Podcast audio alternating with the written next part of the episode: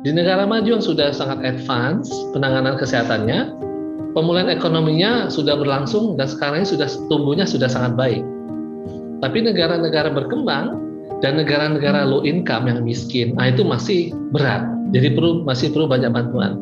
Di sini Indonesia sebagai presidensi G20 di, di level strategis itu mengatur agendanya. Kepentingan negara berkembang akan masuk di situ karena Indonesia bagian dari negara berkembang di G20. Media Keuangan Podcast. Saat ini pemulihan ekonomi global telah terjadi, meski belum merata di berbagai negara. Tahun depan, Indonesia mengemban tugas sebagai presidensi G20. Inilah kesempatan baik bagi Indonesia untuk berkontribusi dalam upaya membantu negara-negara di dunia keluar dari jerat pandemi. Bagaimana persiapan Indonesia dalam menyelenggarakan rangkaian pertemuan G20? Apa saja manfaat presidensi G20 bagi Indonesia? Simak perbincangan media keuangan dengan staf ahli Menteri Keuangan Bidang Ekonomi Makro dan Keuangan Internasional, Wempi Saputra, berikut ini. Pak Wempi, selamat siang. Apa kabar Pak Wempi? Alhamdulillah sehat. Selamat siang. Makasih undangannya. Sama-sama Pak. Baik Pak. Uh, kali ini kita akan ngobrol-ngobrol sedikit Pak tentang G uh, presidensi Indonesia di G20 di tahun depan ya Pak di 2022. Tentunya ini menjadi kesempatan yang baik dan bagus bagi Indonesia uh, di mata dunia ya Pak. Tapi uh, kita juga pengen tahu nih Pak sejauh mana sih Pak persiapan Indonesia sendiri dalam uh, mempersiapkan presidensi di tahun depan ini Pak.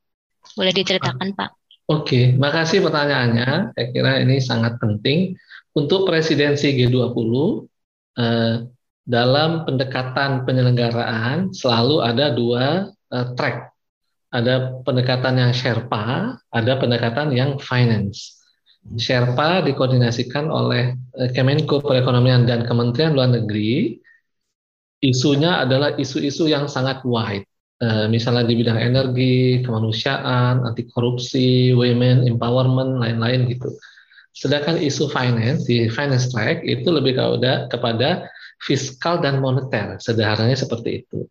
Nah, dalam konteks penyelenggaraan karena sudah ada panitia nasionalnya, ada ada minimal ada tiga Menko yang terlibat di situ dari Kemenko Marinvest untuk yang ketua penyelenggara, ada Kemenko Polhukam, Kemudian juga ada Kemenko Perekonomian yang di sana termasuk eh, masalah penganggarannya mengkoordinasikan. Jadi eh, start pertemuan di bulan Desember 2021 sampai dengan Oktober 2022 tahun depan itu semuanya sudah dipetakan. Eh, kira-kira totalnya itu lebih kurang ada 60 meeting kira-kira. 25 meetingsnya itu dari finance. Nah, sisanya bisa berkembang meetingsnya nanti itu yang sifatnya serpa. Nah, di sinilah nanti eh, isu-isu yang berkembang di dalam penyelenggaraan tadi, secara logistik eh, kita sudah petakan penganggarannya, venue-nya, bahkan yang termasuk yang sangat teknikal seperti airport hospitality, masalah masalah VIP handling, kemudian masalah protokol kesehatan di lokasi sebelum berangkat ataupun nanti pasca. Jadi eh, barusan juga rakor dengan Pak Menko Marinvest juga membahas itu kita confidence untuk masalah persiapan penyelenggaraan itu semuanya on track sampai saat ini. Termasuk untuk antisipasi di situ, situasi pandemi ini pasti tantangannya juga beda ya Pak. Uh, apakah itu juga sudah termitigasi gitu ya Pak? Jadi kalau dari sisi negara yang akan hadir ke, hmm. ke uh, G20 itu kan ada 19 negara plus satu Uni Eropa. Nah kira-kira nanti ada yang positivity rate-nya di negara masing-masing yang di atas 5 yang masih cukup banyak yang positif COVID. Itu juga sudah dipetakan oleh Pak Menkes. Contohnya sebenarnya misalnya di US itu juga masih tinggi, di Meksiko juga masih tinggi. Protokol kesehatan pada saat keberangkatan eh, dari negara yang bersangkutan, apakah dengan tes PCR, fully vaksin, kemudian begitu sampai ke Indonesia itu kita juga treatment yang sama, apakah dengan tes PCR dan antigen, ada bubble system di situ sampai dengan penanganan yang lain itu juga sudah disiapkan. Jadi mengantisipasi semua hal memang sangat complicated ini Mbak Yani untuk yang penanganan protokol kesehatan dan termasuk juga ini ada unsur reputation risk. Misalnya ada begitu selesai uh, mengikuti rapat G20 di bulan Desember, eh tiba-tiba ada yang positif COVID pulang dari Indonesia. Nah, itu juga kan mengakibatkan ada reputation risk. Jadi kita akan coba uh, clustering dan juga akan kita tangani. Bedanya dengan annual meeting barangkali di tahun 2018 yang lalu, kalau annual meeting itu uh, across the board dari satu minggu selesai meetingnya. Ada 3.000 meeting dalam satu minggu. Tapi kalau yang di G20 itu kira-kira 60 meeting selama satu tahun. Jadi bulan Januari Desember ada meeting, Januari meeting, Februari meeting. Jadi dia per bulannya ada meeting-meeting tertentu. Iya, uh, ini juga udah tentunya udah diantisipasi dengan baik ya Pak dari sisi uh, kesehatan tentunya Pak ya. Iya. Hmm. Baik Pak. Um, lalu Pak seperti apa sih Pak uh, manfaat yang akan atau kesempatan mungkin ya yang di, bisa dicapai oleh Indonesia dengan menjadi uh, presidensi di tahun depan Pak? Dan Ini tuan pertanyaan rumah. yang uh, baik dan fundamental juga ditanya oleh berbagai kalangan. Mm-mm. Di strategic level, Indonesia itu melakukan uh, pengaturan agenda isu global yang akan dibahas dalam presidensi. Kalau kita lihat isu global yang sekarang mengemuka itu adalah isu mengenai bagaimana pemulihan ekonomi global itu bisa selaras, kemudian bisa inklusif dan bisa lebih cepat. Nah, di sini harus ada penanganan kesehatan yang proporsional yang cepat. Di negara maju yang sudah sangat advance penanganan kesehatannya, pemulihan ekonominya sudah berlangsung dan sekarang ini sudah tumbuhnya sudah sangat baik. Tapi negara-negara berkembang dan negara-negara low income yang miskin, nah itu masih berat. Jadi perlu masih perlu banyak bantuan. Di sini Indonesia sebagai presidensi G20 di, di level strategis itu mengatur agendanya. Kepentingan negara berkembang akan masuk di situ karena Indonesia bagian dari negara berkembang di G20, bagaimana bantuan kepada negara-negara berkembang dan negara miskin, bagaimana eh, penanganan kesehatan misalnya masalah vaksinasi, penyediaan obat-obat terapeutik, kemudian alat-alat diagnostik itu juga dibantu di sana. Dan yang paling penting, Indonesia juga membawa kepentingan negara sendiri. Nah, di sini masuk ke level kedua yang namanya uh, concrete action atau concrete projects. Jadi kalau teman-teman perhatikan, di rapat G20 itu berakhirnya dengan komunike dan leaders declaration. Jadi komitmennya di atas kertas. Karena G20 itu punya uh, semacam kewenangan, apa ya bahasanya itu? Kewenangan untuk memberikan assignment kepada lembaga-lembaga internasional, misalnya Bank Dunia, OECD, IMF gitu, sehingga negara-negara yang mendapatkan bantuan Bank Dunia itu bisa naruh tanda kutip kepentingannya di deklarasinya G20. Indonesia dalam hal ini selalu menyuarakan. Kalau sejauh ini Pak uh, sudah ada berapa konfirmasi negara sih Pak yang akan hadir mungkin ya? Kalau Bapak tadi menyebutkan pengen juga tercapai dapat uh, ekonomi secara ke masyarakat langsung ya Pak. Apakah kalau dari kalau dari pertemuan pertama yang level deputi di mm-hmm. Desember 2021 ini mm-hmm. eh, dari 20 negara itu baru separuh yang konfirmasi. Sisanya begitu dengar Bali sebenarnya ingin datang, mm-hmm. tapi kami sudah save the date dan akan rekonfirmasi mungkin dalam satu dua minggu ke depan.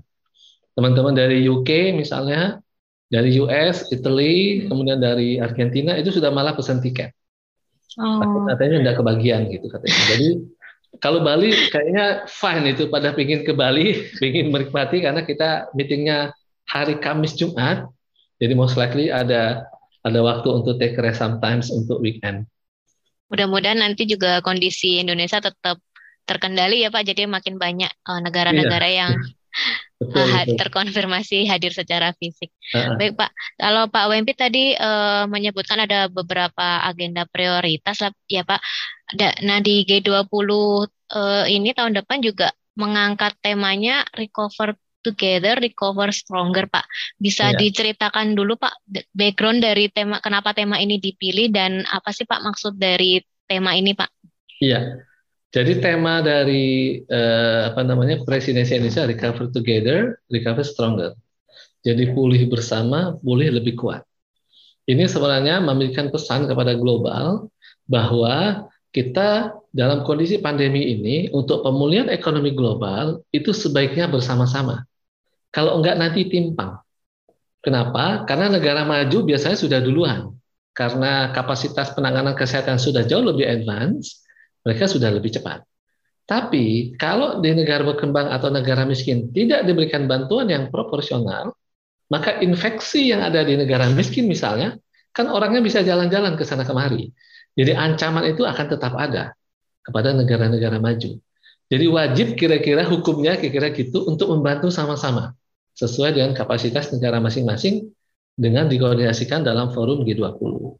Recover Together, Recover Stronger juga memberikan pesan untuk resiliensi. Kalau kita lihat, mungkin teman-teman sempat membaca, sebelum krisis keuangan finansial global di tahun 2008-2009, forum yang mengendalikan atau steering committee dari perekonomian global itu namanya G7. Begitu ada krisis keuangan finansial global, timbul pertanyaan, kayaknya makroekonomik global macroeconomic coordination jadi tidak optimal kalau hanya G7. Jadi G7 negara-negara seperti US, UK, Jerman, Prancis gitu ya. Mereka berkumpul gagal. Ada krisis keuangan finansial global. Sehingga 2008 pertemuan pertama kali G20 membicarakan kira-kira gimana nih, kok kemarin agak gagal kita mengelola sebagai steering committee perekonomian global. Kemudian diundanglah semua negara-negara yang di atas satu triliun dolar apa namanya GDP-nya. Indonesia termasuk di situ. Dikoordinasikan jadi group of 20 atau G20 itu melihat macroeconomic global coordination yang tadi lemah sekarang diperbaiki. Jadi ada monitoring bersama. Ada eh, program bersama untuk menguatkan resiliensi perekonomian global. Kemudian juga ada program untuk menunjang atau mendorong produktivitas negara-negara. Bukan hanya G20, juga negara-negara lain. Ada program bersama untuk membantu kesulitan negara-negara miskin dalam konteks apa? penanganan utang. Jadi kita tahu negara-negara yang miskin, barangkali khususnya di Afrika, itu mengalami yang namanya eh, apa namanya debt sustainability yang semakin mengkhawatirkan. Ini perlu dibantu. Mengapa perlu dibantu? Karena utang itu juga terkait dengan negara maju dan perusahaan-perusahaan besar di negara maju. Jadi kalau ini tidak dibantu, akan terjadi apa? Akan terjadi trap. Nah, di situlah kelihatannya isunya jadi berkembang. Belakangan, isu terkait perubahan iklim yang menjadi concern di seluruh dunia pun mengemuka.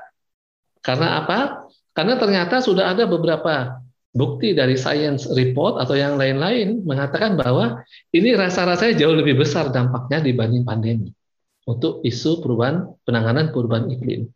Di situlah Recover Together, Recover Stronger memberikan pesan koordinasi di level global, meningkatkan resiliensi, sama-sama mendorong pertumbuhan ekonomi yang lebih inklusif dan berkelanjutan, termasuk yang lebih seimbang lagi antar negara, dan juga kita supaya bisa lebih kuat penanganannya jadi sama-sama. Jadi nggak sendiri-sendiri G7 merasa negara maju sendiri ternyata tidak mampu. Sekarang mengikutkan negara-negara berkembang dan ada juga suara dari negara-negara yang low income. Baik Pak, kalau tadi Pak WMP menyebutkan juga ada uh, sudah ada isu maupun target yang um, inline dengan tema tadi ya Pak. Nah, bagaimana strategi Indonesia Pak sebagai tuan rumah penyelenggara agar uh, agenda-agenda tersebut uh, tidak kehilangan fokus Pak nantinya uh, Pak di saat penyelenggaraan apa Pak strategi dari tuan rumah Pak? Ini sangat baik uh, pertanyaannya dan juga menjadi challenge dari uh, contohnya kemarin penyelenggaraan G20 di Italia pun mengalami challenge yang sama. Biasanya kita punya beberapa vehicle di dalam pembahasan dalam forum G20. Jadi kalau dalam konteks finance track, jadi ada yang Sherpa, ada yang finance ya. Kita mungkin ambil contohnya yang finance track. Jadi di level finance biasanya semua isu-isu yang enam agenda prioritas tadi akan dibahas dulu di level deputi, di level eselon satunya. Kebetulan untuk di Indonesia finance deputinya saya ada dari BI namanya Pak Dodi Budiwaluyo deputi BI. Kita akan membahas dibantu satu level lagi yang namanya working group. Working group ini eh, pimpinannya atau chairs-nya itu dari beberapa negara. Misalnya kita ambil contoh uh, agenda sustainable finance. Itu yang jadi chairs dari working groupnya adalah dari Amerika Serikat dan dari Cina. Nah, isu-isu kita tadi yang menjadi concern Indonesia dan juga mungkin legacy dari presidensi sebelumnya, kita bahas bersama di level deputi, kemudian juga didetailkan di level working group. Beyond ini, kita juga bisa mengundang expertise, apakah dari Bank Dunia, dari IMF, dari beberapa international organizations, dari uh, agencies, misalnya dari uh, think tank yang ada, apakah area misalnya Prospera itu salah satu contoh untuk menajamkan. Dua yang ditajamkan. Satu yang namanya deliverables. Apa nih output yang tadi Mbak Yani sampaikan? Dan hanya dokumen, tetapi mungkin suatu kesepakatan sebagai global, global standard setting untuk pemulihan ekonomi. Itu sangat penting, nanti akan kita adopsi dalam bentuk dokumen KEM PPKF jadi kita adopsi pada saat perumusan kebijakan fiskal di KEM PPKF, di APBN, sampai nanti dia ditetapkan jadi undang-undang. Di luar itu, di luar level deputi dan working group, di atasnya ada level menteri dan gubernur bank sentral, menteri keuangan dan gubernur bank sentral. Ini levelnya lebih strategi untuk mengoordinasikan kira-kira bagaimana sinkronisasi pembahasan isu tadi dengan gerak langkahnya para globalnya tadi, menteri di level global. Jadi nggak boleh ada yang keduluan, nggak boleh juga ada yang kebelakangan gitu misalnya. Ini misalnya terkait sama tadi contohnya masalah penanganan kesehatan. Jadi kalau negara-negara Afrika, oh itu ternyata vaksin aja baru tiga persen, sementara negara berkembang sudah hampir 40 persen. Negara maju 80 persen. Tapi loh kok itu walaupun sudah 80 persen, kenapa eh, apa-apa eh, infeksinya atau positivity rate-nya masih tertinggi? Karena international travelers. Dia, dia menularkan dari satu tempat ke tempat lain. Penanganan ada, ada efek ini. domino antar negara juga ya Pak? Persis, persis. Jadi efek itu dia terus menjadi domino karena apa? Enggak dibantuin. Sehingga kita punya kesepakatan para menteri, gubernur bank sentral, eh ngasih tahu itu tolong dibantu tuh. Caranya gimana? Ya udah, supply chain-nya diperbaiki, vaksinnya dikirim, terapeutiknya dikirim, alat diagnostiknya dikirim, dibantu nakesnya. Nah, itu salah satu kesepakatan di level menteri. Di atasnya baru nanti kita menggalang in case kalau ada isu-isu lain yang lebih strategik dan tidak solve di level deputi ataupun level menteri, dibawa ke the levelnya leaders. Biasanya kalau leaders itu lebih kepada political commitment. Jadi dia hanya memberikan satu deklarasi dari leaders, kira-kira ke depannya kita akan seperti apa. All and all, kalau misalnya kita lihat atau kita baca di uh, leaders declaration, itu seperti G20 memainkan peran sebagai crisis responder. Uh, jadi kalau nggak ada krisis, oke okay nih, perannya bagus gitu. Tetapi at the same time, juga harus bisa memberikan benefit yang lebih nyata, khususnya di negara-negara berkembang dan negara-negara yang low income atau negara miskin. Itu Mbak. Oke Pak, baik Pak. Nah mungkin untuk uh, wawasan masyarakat juga ya Pak, sebenarnya boleh Pak WMB ceritakan Pak uh, keuntungan Indonesia sendiri dari menjadi member G20 ini apa Pak? Mungkin barangkali ada yang masih belum uh, terinfo ya Pak. Iya, iya, iya. Jadi kalau misalnya secara ini uh, memang ada yang ada yang bilang terlalu elitis ya. G20 kayaknya ngecek langit gitu. Aduh, semuanya pakai bahasa Inggris, kita nggak semuanya paham gitu. Iya. Jadi kalau misalnya Indonesia itu di antara 20 anggota, itu uh, negara yang PDB per kapita yang paling rendah. Oh. Kita diakui karena kue PDB kita itu paling besar. Artinya hmm. potensi ekonomi Indonesia itu besar. Terakhir, uh, seingat saya urutan ke-15 di dunia. Dengan hmm. PDB total itu kira-kira hampir 16 ribu triliun. Jadi lebih dari satu triliun US dollar gitu. Hmm. Nah di sini sebagai anggota G20 minimal dari sisi strategik yang tadi saya sempat saya sampaikan, Indonesia mengatur agenda setting untuk isu-isu global yang dibahas saat ini apa? Itu kewenangannya presidensi. Artinya negara-negara maju, negara berkembang, negara-negara low income punya kepentingan untuk mendekati Indonesia. Tolong isu-isu saya dibahas di situ ada Kalau, bisa dititipin ya Pak? Persis, persis. Jadi titip isu lah. Titip nah, misi juga. jadi karena dititipkan, maka harus ada outputnya, hasilnya. Kan nggak bisa hanya dibahas saja. Nah, pembahasan itulah akan mengarah kepada komitmen. Jadi teman-teman bisa perhatikan kalau misalnya kita baca komunike di level menteri atau di levelnya leaders yang declaration itu barangkali kelihatannya ada satu kalimat simple. Misalnya membantu eh, apa namanya eh, penundaan pembayaran bunga utang negara miskin. Itu jumlahnya itu bisa sampai miliar dolar. Nah, ini sangat diharapkan oleh negara-negara miskin, negara-negara berkembang Bahkan negara-negara yang middle, semacam Argentina misalnya, itu sangat berkepentingan untuk mendapatkan bantuan, kalau di IMF itu namanya special drawing rights. Jadi mata uang yang dikelola oleh IMF untuk mengatur alokasi bantuan kepada negara lain. Jadi kalau misalnya negara itu kesulitan karena utang misalnya, dan dia nggak bisa dapat bantuan dari mana-mana, agak sulit atau mungkin biaya utangnya tinggi, mereka minta bantuan IMF. Nah di sana mereka punya kepentingan di situ. Jadi pertama agenda setting. Yang kedua, Indonesia bisa showcase, menunjukkan keberhasilan pengelolaan misalnya masalah kesehatan, masalah perekonomian. Kita selama ini dipandang sama kemarin waktu ada diskusi dengan Bank Dunia, oh Indonesia hebat juga katanya. Positivity rate-nya rendah sekarang. Itu caranya seperti apa? Apa metode strategi yang digunakan segala macam. Jadi pada saat diumumkan di websitenya mungkin teman baca yang CDC, kita itu termasuk yang low dan di level paling bawah tuh gitu. Sehingga dari dunia pun lebih rileks eh, komunikasi dengan Indonesia. Kita bisa showcase, bisa sharing pengalaman, sharing pengetahuan. Artinya apa? Expertise dan experience Indonesia itu diakui untuk dipelajari oleh negara lain. Dan yang paling penting yang nomor tiga, harus dampak yang konkret kepada masyarakat, kepada perekonomian. Salah satu bentuknya adalah dengan yang project tadi. Jadi pada saat kesepakatan sudah ada di level menteri misalnya, komitmen di level leaders, apa konkret projects yang bisa dijadikan piloting dan nanti berkelanjutan untuk dikembangkan. Salah satunya adalah terkait dengan energy transition tadi.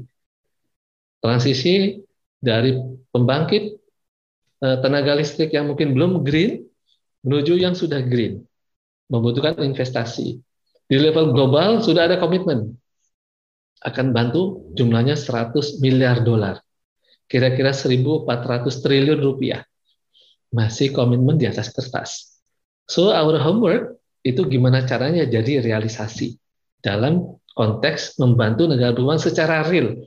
Duitnya ada, proyeknya ada, direalisasikan sehingga nanti ada tenaga kerja di situ, ada bantuan-bantuan yang lain. Jadi ini barangkali untuk yang Eh, apa namanya eh, dari sisi level strategis atau teknisnya untuk masyarakat memang kalau ada penyelenggaraan biasanya juga menyampaikan produk-produk lokal.